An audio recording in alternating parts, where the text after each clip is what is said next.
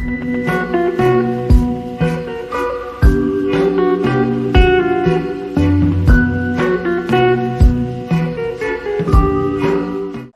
selam nasılsınız? Selam, iyidir İsmail sen nasılsın? Nasıl geçti hafta? İyi vallahi güzel geçti. Yine insanı anlamak kitabınızı ben göstererek başlıyorum. Geleneğe dönüştü artık. Dün değil önceki gün yani 26'sında Serbestiyet'te yazdığınız bir yazı var. Onunla başlamak istiyorum ben. Ya yozlaşma yerli ve milli ise diye olarak başladığınız bir yazı. Ben de ondan hareketle yerli ve milli zihniyetimiz üzerine konuşalım diyorum. Ne dersiniz? Ee, olur. Onun da arka planında bir zihniyet tabii ki var. Tabii daha karmaşık tabii mesele çünkü tarihsel bir tarafı var, kültürel bir tarafı var, ideolojik tarafı var bu olayın. Ama önce onları belki bir ayıklamakta yarar var. Hani zihniyete doğru gelmeden önce. Şimdi bir kere yerli ve milli dememizin ima ettiği bir durum var. Demek ki yerli milli değilmiş. Aksi halde ille o ve o demezdik yani. Yerli ve milli dediğimize göre bizim öyle bir tarihsel ve ideolojik arka planımız var ki orada yerli e, milli değil. Ve bu hakikaten zaten çok bilinen bir durum. Çünkü e, mesela Anadolu'nun yerlileri esas olarak gayrimüslimler ve Kürtlerdi. E, ve onların hiçbirisi milli değildi. O yüzden millilik sonradan gelen bir unsur. Zaten geç milliyetçiliğin olduğu bir toprak Anadolu ve de milliyetçilik devlet eliyle, devletin içinden ortaya çıkmış olan bir unsur. E, o yüzden de bizde milli dendiği zaman devlet akla geliyor. Yerli dendiği zaman da devletin dışında kalan daha toplumsal bir olgu akla geliyor. Gayrimüslimlerin Anadolu'dan büyük ölçüde gitmesinden sonra, temizlenmesinden sonra bir şekilde Osmanlı'daki daha büyük cemaat olan Sünni cemaat kendisini bir toplum haline getirdi. Bir tür yerlileşti öyle diyelim. Esas yerlilik Sünnilik üzerinden tanımlanır hale geldi ve de o zaman sanki bir dönem yerli ile millinin hemhal olduğu hani Osmanlı'da bir dinü devlet ta- tanımı vardır. Ona benzeyen, ona yakınlaşan e, bir hal aldığı e, varsayıldı belki 1900'lerin başlarında ama ondan sonra Kemalizm geldi ve gene de milli farklı bir şey oldu. O yüzden şimdi tekrar yerli ve milli denmesinin bir mantığı var. Yeniden o devlet geleneğiyle yani Kemalist gelenekle dinden, dindarlıktan gelen Sünni geleneğin bir araya gel, gelmesi varsayılıyor burada. E, ve bu birleşimde de yerliler bir miktar millileştiler. Milli olanlar da bir miktar yerlileştiler. Kendilerince bir sentez oluşturdular şu anda ve o sentez iktidarda. Yani iktidarda olan şu andaki koalisyonun ideolojik arka planı nedir dersek aslında bu yerlilik ve millilik e, ona epeyce oturuyor. Tabii niçin böyle bir kavram var ve e, böyle bir şeye niye ihtiyaç duyuluyor diye baktığımız zaman yani buna bunun arka plandaki dürtülere girdiğimiz zaman esas hani bizi zihniyete doğru götürecek olan bir takım ipuçları var. Yerlilik özellikle burada ilginç bir durum çünkü modernliğin içinde artık yerlilik yok. Vatandaşlar var. Hele şimdi yani bu göçmenlerin dünyasında e, insanlar gidiyorlar, vatandaşlığa müracaat ediyorlar, vatandaş oluyorlar. Hem zaten oraya yeni geldikleri için belki yeniler ama biz bir nesil sonra yerli oluyorlar. Ama bizde başka bir anlam var bu yerlilikte. Yerlilik bize ait olanı yansıtıyor. Biz diye başlamak istiyoruz cümlelere. Bizim bulduğumuz, bizim yaptığımız bir şeyin içinde yaşamak istiyoruz. Çünkü mesela bizdeki bu tarih kitaplarında veya sosyal bilim kitaplarında falan mesela keşifler vesairede birçoğunda Cumhuriyet'in kuruluş döneminde daha da fazlaydı bu. Yani her şeyi Türkler keşfetmiş gibi bir durum vardı. Herkes bizden almış. Önce Türkler yaptı, önce Türkler yaptı. Sanki şöyle bir durum var. Önce biz yapmış olmasa idik kullanmakta da bir miktar tereddüt geçirecektik. Yani ille bizim yapmış olduğumuz bir şeyi kullanmak istiyoruz. E, e tabii bu niye var diye baktığımız zaman bir daha önce de konuştuğumuz bir özgüven eksikliği var birincisi. İkincisi bizim sınırımızın net bir şekilde belirlenmediği durumda kimlik meselemiz var. Yani yabancılarla bir arada ve eş düzeyli bir dünyada yaşıyor olsaydık, herkesin yabancı olduğu bir dünyada yaşıyor olsaydık, en çok kimlik bunalımına girecek olan unsurlardan biri de Türk kimliğine çok bağımlı olan kişiler olacaktı muhtemelen. Çünkü Türk kimliği giderek bir ihtiyaç olarak yaşanıyor. Bir tutunacak dal olarak yaşanıyor. Sanki e, kendi kişiliğimiz yetmiyor da bireysel olarak, kendi hayallerimiz, düşüncelerimiz, düşüncelerimiz yetmiyor da kimliğimize dayanarak, yaslanarak kendimizi daha iyi ifade edeceğiz ya da bu dünya dünyada daha kalıcı bir yere sahip olacağız duygusu ortaya çıkıyor. Şimdi yerlilik böyle olduğu için de millilikle bütünleşme şansına sahip ve Türkiye'de de öyle oluyor. Yani Türkiye'de aslında yerlilik ve millilik diye baktığımız zaman esas olan yerliliğin millileşmesi olayı. Yoksa milli olan pek de yerlileşmiyor. Hala yerlileşmiyor. Hala devlet bize yabancı esas olarak. Devlete bulaşmak istemiyoruz biz. Devlet biraz uzağımızda kalsa, işini yapsa, bize hiç dokunmasa ama biz kendi işimiz olduğunda biraz devlete yanaşarak işimizi çözmeye çalışsak bu yeterli bir doz. Bundan fazla istemiyoruz ama sosyolojik olarak baktığımız zaman özellikle son 15 yıl, 20 yılda da Türkiye'de bu büyük ölçüde oldu. Yani şimdi mesela sağ, sağ çalışmaları yapanlar söylüyorlar. E, AK Parti seçmeni giderek daha milliyetçi oldu fikirler fikirler açısından. O yüzden de bu iki, iki kutbu olan bir eksense e, yerli ve milli demek kulağa hoş gelebilir bazılarına ama aslında giderek millileşen bir yerlilik var. Ve dolayısıyla da zihniyetlere gelirsek otoriter zihniyetin tahakkümü altına girmekte olan bir ataerkillikten bahsediyoruz artık. Yani e, bu belki Osmanlı'da e, toplum açısından baktığımız zaman öteki yönü daha ağır basıyordu. Ataerkillik çok daha ağır basıyordu. E, meşruiyeti sağlayan ataerkillikti çünkü. Bir şeyin doğrusunu, normatif olanı sağlayan, veren God ataerkillikti. Yani sultanlar ne kadar güçlü ve dediğim dedik olursa olsun sonuçta kendisini meşrulaştırma ihtiyacı da duyuyordu. O ataerkil kodlara bakarak, onlara yaslanarak. Ama şimdi biraz tersi oldu. Şimdi artık milli kodlar e, çok daha önemli. Milletin bütünlüğü, varlığı, hatta milletin değil, aziz milletin biliyorsun. Bu bütün bu sıfatlar aslında var olanın ötesinde sürreel hale getiriyor. Yani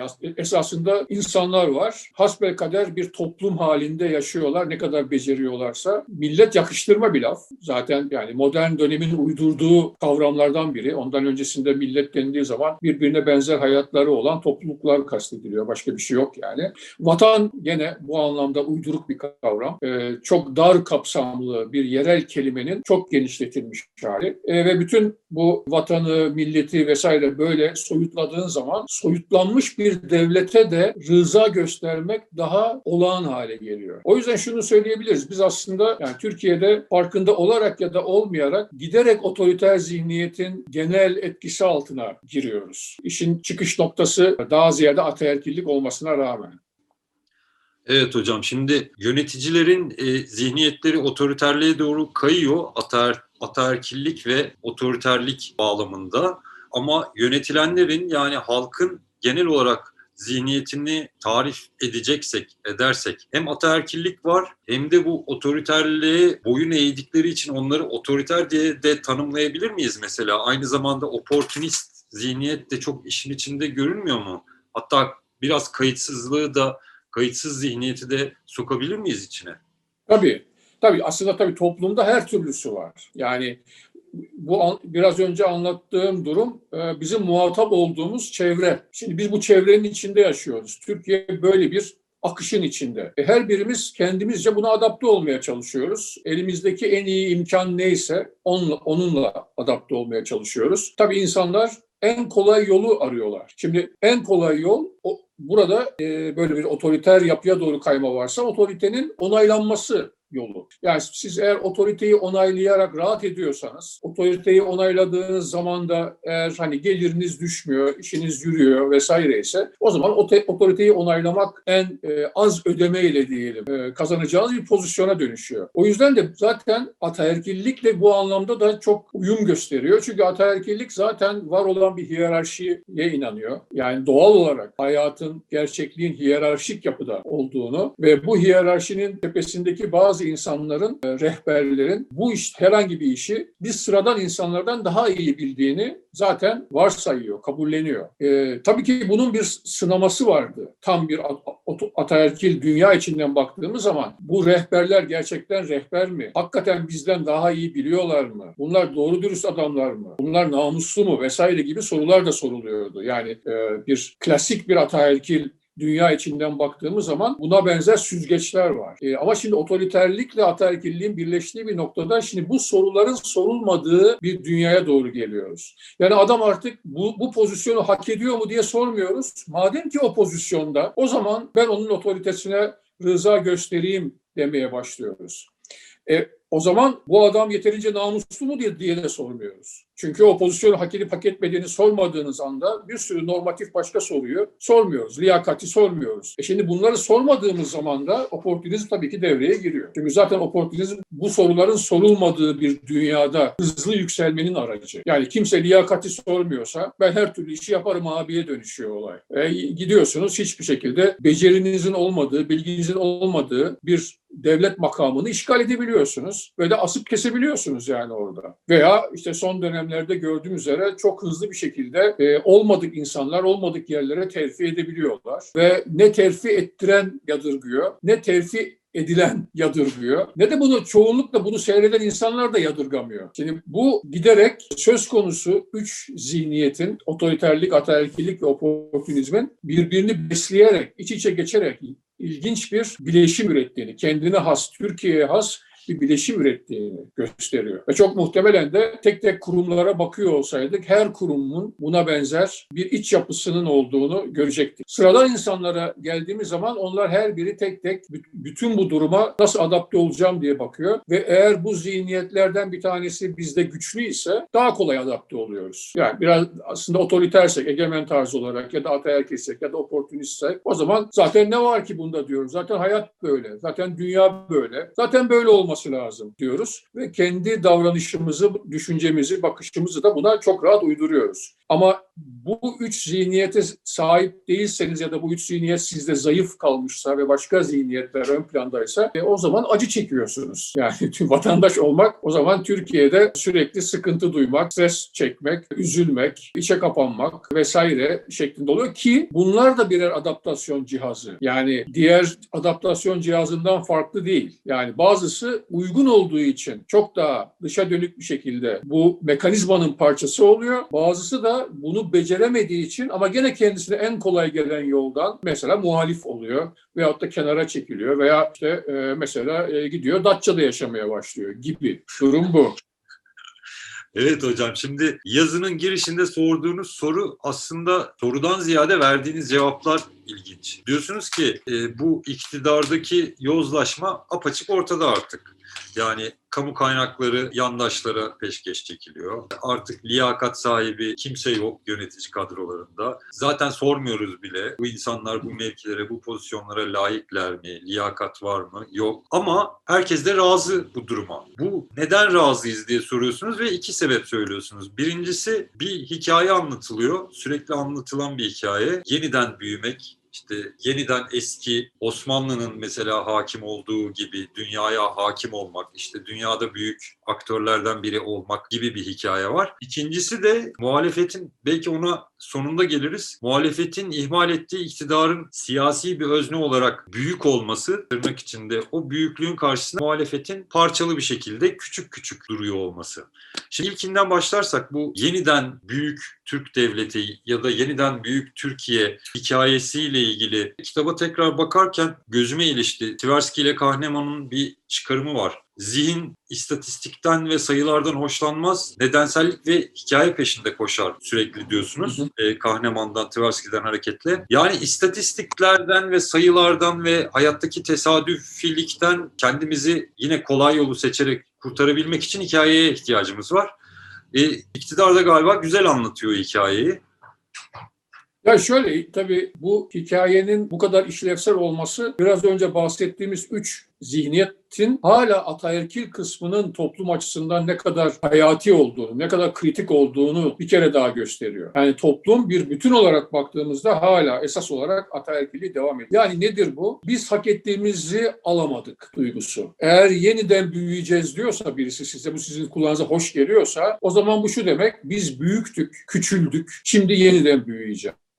Peki niye küçüldük? Başkaları yüzünden, hainler yüzünden, bizim elimizde olmayan sebepler yüzünden. Çünkü eğer biz kendi yüzümüzden, kendi fıtratımızla da bağlantılı olarak ya da kendi zihniyetimizle de bağlantılı olarak küçüldük diyecek olsak önümüze çok büyük bir iş çıkıyor. Yani biz biz kendimizle hesaplaşmamız lazım, yüzleşmemiz lazım vesaire ve bunlar çok ağır entelektüel yükler. Türkiye'deki genel entelektüel ortam açısından bakıldığı zaman. Yani Türkiye çok yüzeysel bir şekilde bunları yaşayan ve tartışan bir yer. Dolayısıyla bu derinlik zaten bizim hoşumuza giden bir şey değil. Yani kendimizle uğraşma meselesi. Kolay yoldan da başkalarını suçlama mümkün. Çünkü tarihsel hikaye de böyle kurul, kurgulanmış durumda. Neydi? İşte gayrimüslimler içimizdeki beşinci koldu falan. Bir sıçrama yapalım. Bugün Kürt hareketi, Kürt meselesi PKK bağlantılı. PKK nedir? PKK dış mihrakların uzantısı olan bir terör örgütüdür vesaire. Bir sürü klişe var böyle. Şimdi böyle bu klişelerle beslendiğiniz zaman çocukluktan itibaren o zaman kendinizle zaten yüzleşme ihtiyacı duymuyorsunuz. O zaman zaten topu dışarıya atmış durumdasınız ve şimdi ama bütün bu engellere rağmen birisi size yeniden büyüme, yeniden Türkiye'nin gücünün kanıtlanması zamanı geldi. Artık Türkiye'nin sözü dinlenmeden hiçbir şey yapılamayacak ve herkes bize bizim ihtiyacımız olan, hak ettiğimiz saygıyı gösterecek ve aynı zamanda da bizim benzersiz, biricik, kendine has e, bir ırk olduğumuz ya da tür olduğumuzu da kabul edecek demiş oluyor. Alt, alt cümleler bunlar ve bunlar tamamen ataerkil zihniyetin dürtülerine oturuyor. Yani bir hiyerarşi olduğunu düşünüyorsunuz gerçeklikte ve bu sosyal alanda da aynı hiyerarşinin bir yansımasının olması lazım bu mantığa göre. O hiyerarşide benim yerim çok daha yukarıda olmalı iken şu anda değil ve bunun sebebi haksızlığa uğramış olma. Ve kader ya da tarih bu haksızlığı telafi edecek. Nasıl? En kolay yoldan. Yani bir kahraman gönderecek. O kahraman bir hikayenin kahramanı zaten ama kendisi de bir hikaye yazacak ve bu iki hikaye yani tarihin yazdığı hikaye bunun üzerine kahramanın yazdığı hikaye e, yeterli olacak. Bizi yeniden oralara götürecek. Biz de evimizde sıcak yuvamızda oturup televizyon seyrederken bunu izleyeceğiz. Yani bundan daha kolay, daha rahat bir, bir durum yok herhalde. Ve şu andaki iktidar bunu yapıyor. Ve yerli ve milli olayı da buraya çok iyi oturuyor. Çünkü eski hikaye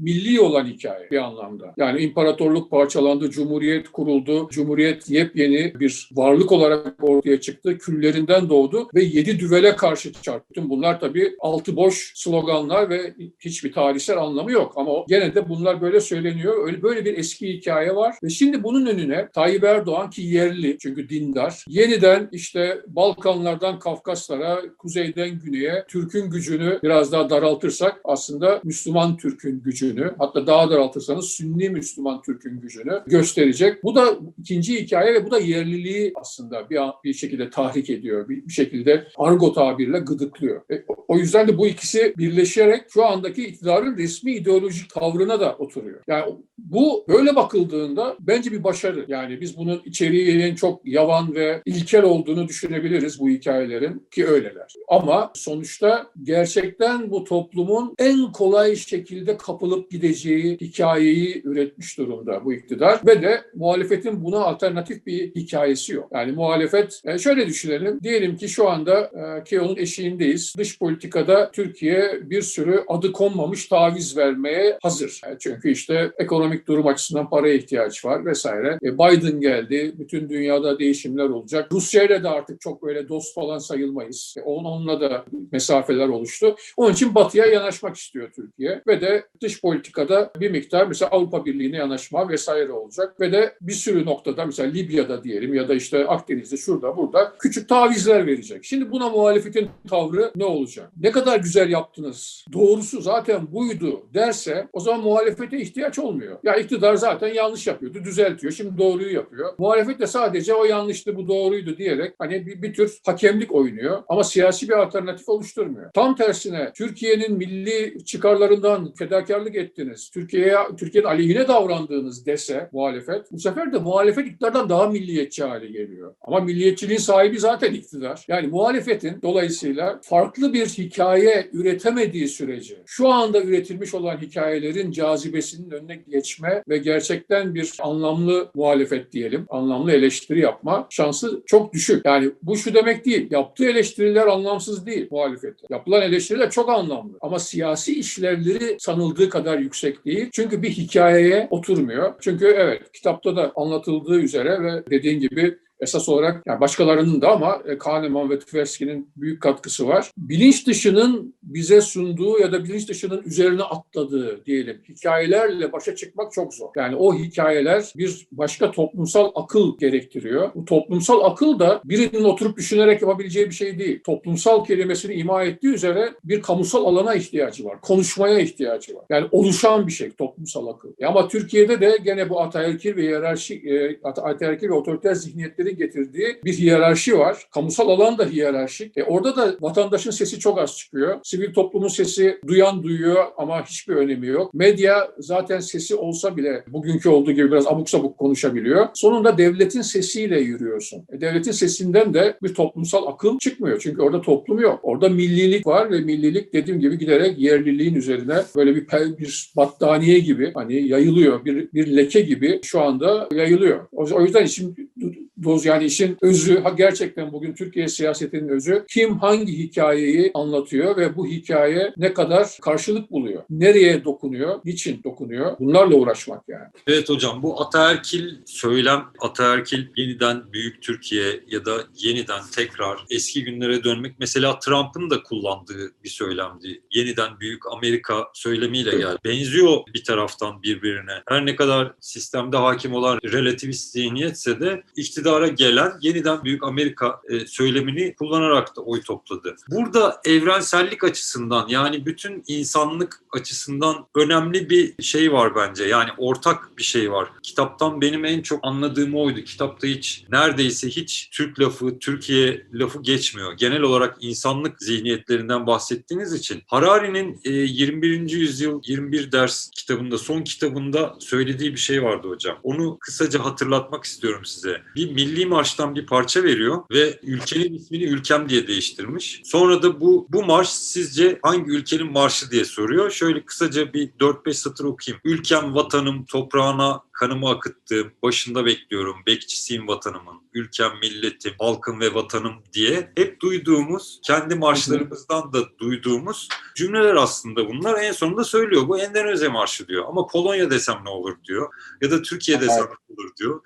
Yani insan her yerde e, aynı duygularla, aynı o tırnak içinde milli duygularla hareket etmeye hevesli. Bu, bu işin çok müşterisi var yani. E, şöyle bir e, durum var. Batılı ülkelerin maçlarına baktığımız zaman onlarda da muhtemelen buna benzer kelimeler vesaire var. Yani milli marşlar bir miktar hamaset içerir. Ama o her bir batıdaki marşın bir çıkış hikayesi de var. Bir gerçek olaya oturması var. Ve hatta o marşlarda öyle kelimeler ve öyle nüanslar var ki artık şimdi kimse onları tasvip etmiyor. Ama gene de hani marş diye saklıyor. Olay modern dünyanın ortaya çıkmasından sonra herkesin buna nasıl adapte olmasıyla çok yakından bağlantılı. Şimdi modern dünya iki ayak üzerine kurulu. Relativist ayak ve otoriter ayak. Relativist ayak daha bireyselliği, e, bireyciliği, ademi merkeziyetçiliği, e, özgür düşünceyi vesaire destekleyen bir kanala doğru girdi ideolojik olarak baktığımız zaman. E, ötekisi ise merkeziyetçiliği, milli devletleri, ulusal anlayışları vesaire üretti. Daha otoriter zihniyette. Şimdi batıdan doğuya doğru baktığımız zaman her ülkenin pozisyonu buna adapte olurken aynı değildi. Batıdaki ülkeler kendileri daha relativist olduktan hareketle de modernizmin relativizm ayağını daha çok üstlendiler. Yani bu milli maçlar olsa bile mesela e, sonuçta bayraktan iç çamaşırı yapabiliyor değil mi bazı ülkelerde insanlar? Yani o o kadar anlamlı ama aynı ülkede her gün mesela Amerika'da bu Amerikan bayrağını e, göndere çeken insanlar da var. O kadar milliyetçi insanlar da var. Ama aynı milliyetçi insanların yan komşusu belki e, aynı Amerikan bayrağından iç çamaşırı yapıyor. Ve büyük çapta da aralarında aralarında olay olmuyor. Tek tük olaylar olsa bile. Çünkü bunlar büyük rakamlardan bahsediyoruz böyle insanlarda. Yani eş düzeyli yaşamayı temel almış olan ve onun üzerinden milliyetçilik gelişmiş olan insanlar bunlar. Doğuya geldiğimiz zaman tersi ama. Biz relativizmi hiç anlamadığımız için, yadırgadığımız için ve ondan hiç hoşlanmadığımız için esas olarak. Esas zemin daha otoriter bir zemin, modern zemin. Mesela Kemalizm. Bunun üzerinden ancak relativizm aranıyor. Hani bu demokratikleşir mi diye soruyoruz ya bazen. Bu liberalleşir mi? Ama esas esas zemin hiç öyle bir zemin değil zaten. O yüzden bu soruları soruyoruz zaten. Ama Amerika'da ters soru soruluyor. Bu zeminin otoriterleşme ihtimali var mı? Tehlikesi var mı diye soruyorlar ve Trump o yüzden başa geldi ve aynı şekilde de gitti. Yani neyi kastediyorum? Modernizm sorunlara cevap bulamadığı için yani relativizm aksadığı için otoriter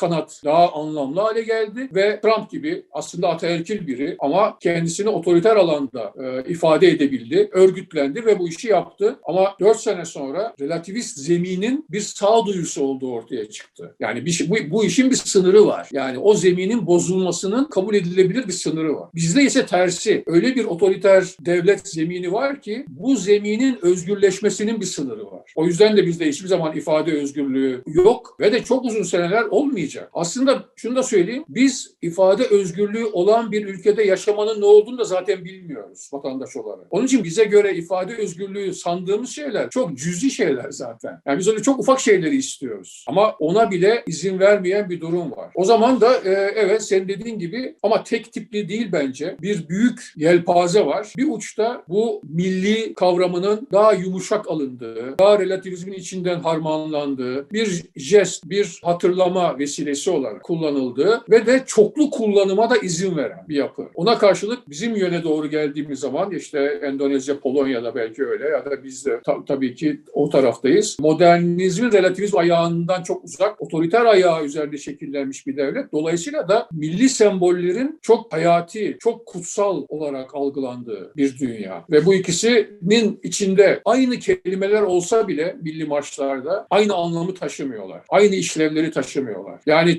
Türkiye'de bir olayı hatırlayalım. Yani Avrupa'da olsa tamamen mizah olur. Adamlar banka soymuşlardı. Sonra arabanın üzerine Türk bayrağı geçirdiler ve polisten kaçabildiler böylece. Hatırlarsın birkaç sene önce. Yani şimdi Türk bayrağını böyle kullanmanın bir işlevi olacağını o hırsızlar biliyor. Ya ama bunun bir batılı ülkede yani akla gelmeyecek olan bir olay. Çünkü karşılığı yok yani. Böyle bir karşılığı yok. Ama bizde böyle bir karşılığı var. Çünkü kutsal. Yani niçin kutsal dediğimiz zaman da o zaman tekrar ataerkilliğe doğru dönmemiz lazım. Çünkü bizde bir takım şeyler eksik ve tatmin olmamış. Hala olgunlaşmamış. Hala ergen kalmış. Hala büyümemiş bir haldeyiz biz. Birisinin gelip düzeltmesini bekliyoruz ve o birisi ben geldim dediğinde de ne yaparsa yapsın, ne kadar yozlaşırsa yozlaşsın öyle kolay kolay itiraz edemiyoruz. Gene de bir bildiği vardır vesaire diyoruz. Mesela şu andaki şey tartışmasını düşünelim. Bir geriye sıçrama ama mesela çocuk katli Osmanlı'da. Yani Fatih Sultan Mehmet işte kardeşini öldürttü, çocukların çocukları birbirini öldürttü vesaire. Böyle böyle gidiyor. Yani bu işi yapmayan neredeyse padişah yok. Şimdi bu bir tabu ya da tar- tartışıldığı zaman hak vermek üzere konuşuluyor. O zamanki dönem başkaydı vesaire ama öyle değil. O, zaman, o zamanki dönem başka değildi. Niye anlıyoruz? O dönem yazılanlardan anlıyoruz. Yani bu bir tercihti ve apaçık bir şekilde bir çok otoriter bir tercih ve otoriter tercihi meşrulaştıran bir toplumsal algı. Biz hala bence buyuz. Yani şu anda e, çocuklarını katletmiyor yönetimde olan insanlar ama başka şeyleri katlediyorlar.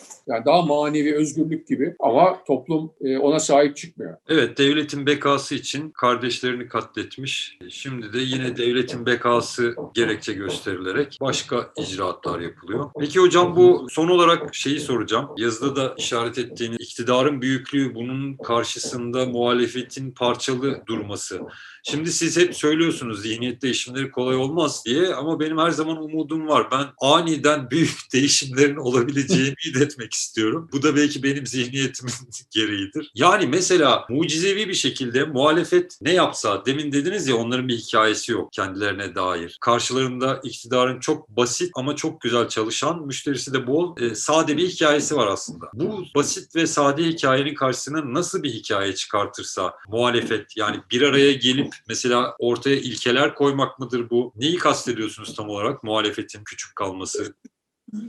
Evet tabii ki e, yani sonuçta iktidarın hikayesine alternatif olabilecek bir, e, bugünkü dünya açısından anlamlı olabilecek iki ve üç, yaşayan tek tek vatandaşların hayatları açısından da işlevsel olabilecek olan bir hikayenin üretilmesi lazım. Ama bu hikayenin yaratılmasının zorluğunu da biliyoruz. Çünkü işte bir sürü değişik parti var. E, her birinin ideolojik tavrı çeşitli meselelerde birbirinden farklı olabilir. Öyle zaten. E bunların birdenbire bir araya gelip böyle çok tutarlı bir şekilde bir böyle manifesto yayınlamaları falan o kadar kolay şeyler değil. Ama kolaya kaçmak bu anlamda bir elimize verilmiş imkan işte bizim. Ama birkaç tane kolaya kaçmak var. Bir tanesi bu zaten yapılamaz deyip kolaya kaçabilirsiniz. Zaten bu iş bu gerçekçi değil dersiniz ve herkes kendi bildiği şekilde devam eder. Ama bir miktar küçük bir zorluğu kabul ederek de bir kolaya kaçılabilir. Yani birlikte en kolayını yapalım, ön- onunla başlayalım diyebilirsiniz. Nedir bu? Bir kere bir kere şudur. Birinci cümle şudur. Biz beraber davranmaya karar verdik. Bu kadar. Sırf bu bile topluma çok çok önemli bir mesaj demek. İçeriye ihtiyaç yok. Daha sonra çok basit birkaç ilke üzerinde anlaştık diyebilirsiniz. Mesela ifade özgürlüğü maddesi, mesela parlamentonun bağımsızlığı var gibi. Buna benzer çok büyük sistemler değil yani. Ama adım adım bir yere doğru gidebilirsiniz ve bunu konuşarak, olgunlaştırarak yapabilirsiniz. Ve önünüzde eğer 3 sene varsa e bu o zaman yani eğer siyasetçiyseniz, yani siyasi parti iseniz demek istiyorum. O zaman iktidara alternatif bir hikayenizin olması kaçınılmaz. Yani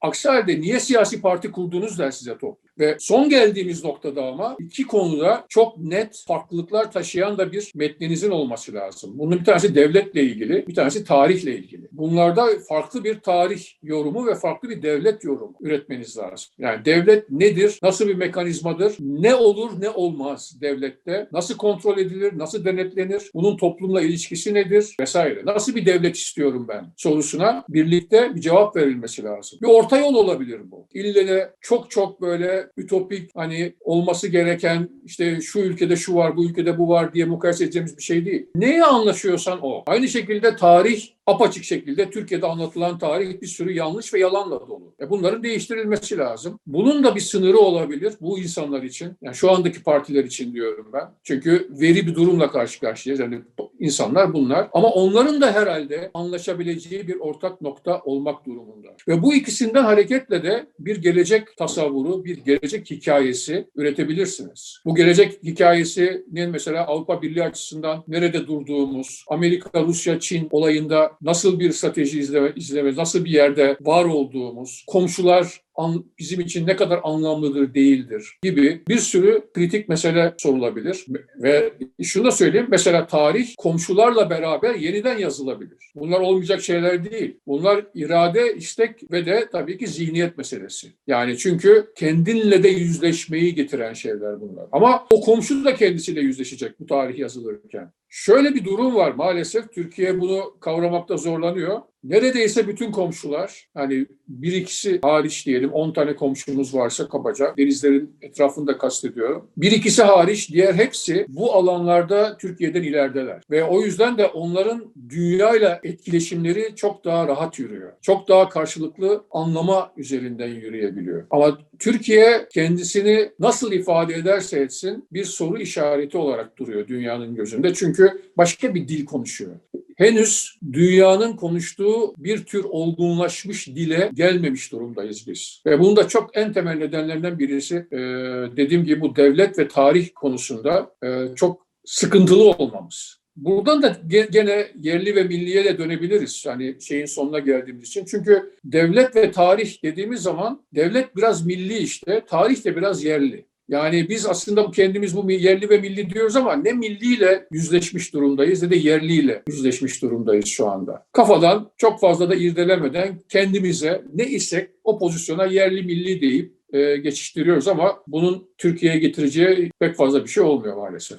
Eyvallah hocam. Senin umutlarını kırmış olmayayım. Tam aksine ben sizin söylediklerinizden daha da umutlandım. Aslında çıkışın ne kadar kolay olduğunu da söylüyorsun. Kolay olanı yapmak, basit olanı yapmak zordur gerçekten. Ama bir taraftan çok da kolay. Yani herkesin bir araya gelip oturup biz beraberiz diyerek başlaması çok büyük bir adım Türkiye için mesela. Ondan sonra da işte ilkelerimiz şu diye başlayarak söylediğiniz gibi birkaç cümle söylemeleri bile Aa, yeni bir hikaye var burada. Bunlar bir şey anlatıyorlar diye insanların dönüp bakmasını sağlayacak bir şey aslında. Neden olmasın? Bir gün olur belki hocam. Yani umalım. Olursa o zaman onu da konuşuruz. Olmaya başlarsa. İnşallah diyelim. Çok teşekkür ederiz hocam. Ekleyeceğiniz bir şey Rica yoksa ederim. Haftaya görüşmek üzere. Kendine iyi bak İsmail. biz de hocam görüşmek üzere. Hoşçakalın.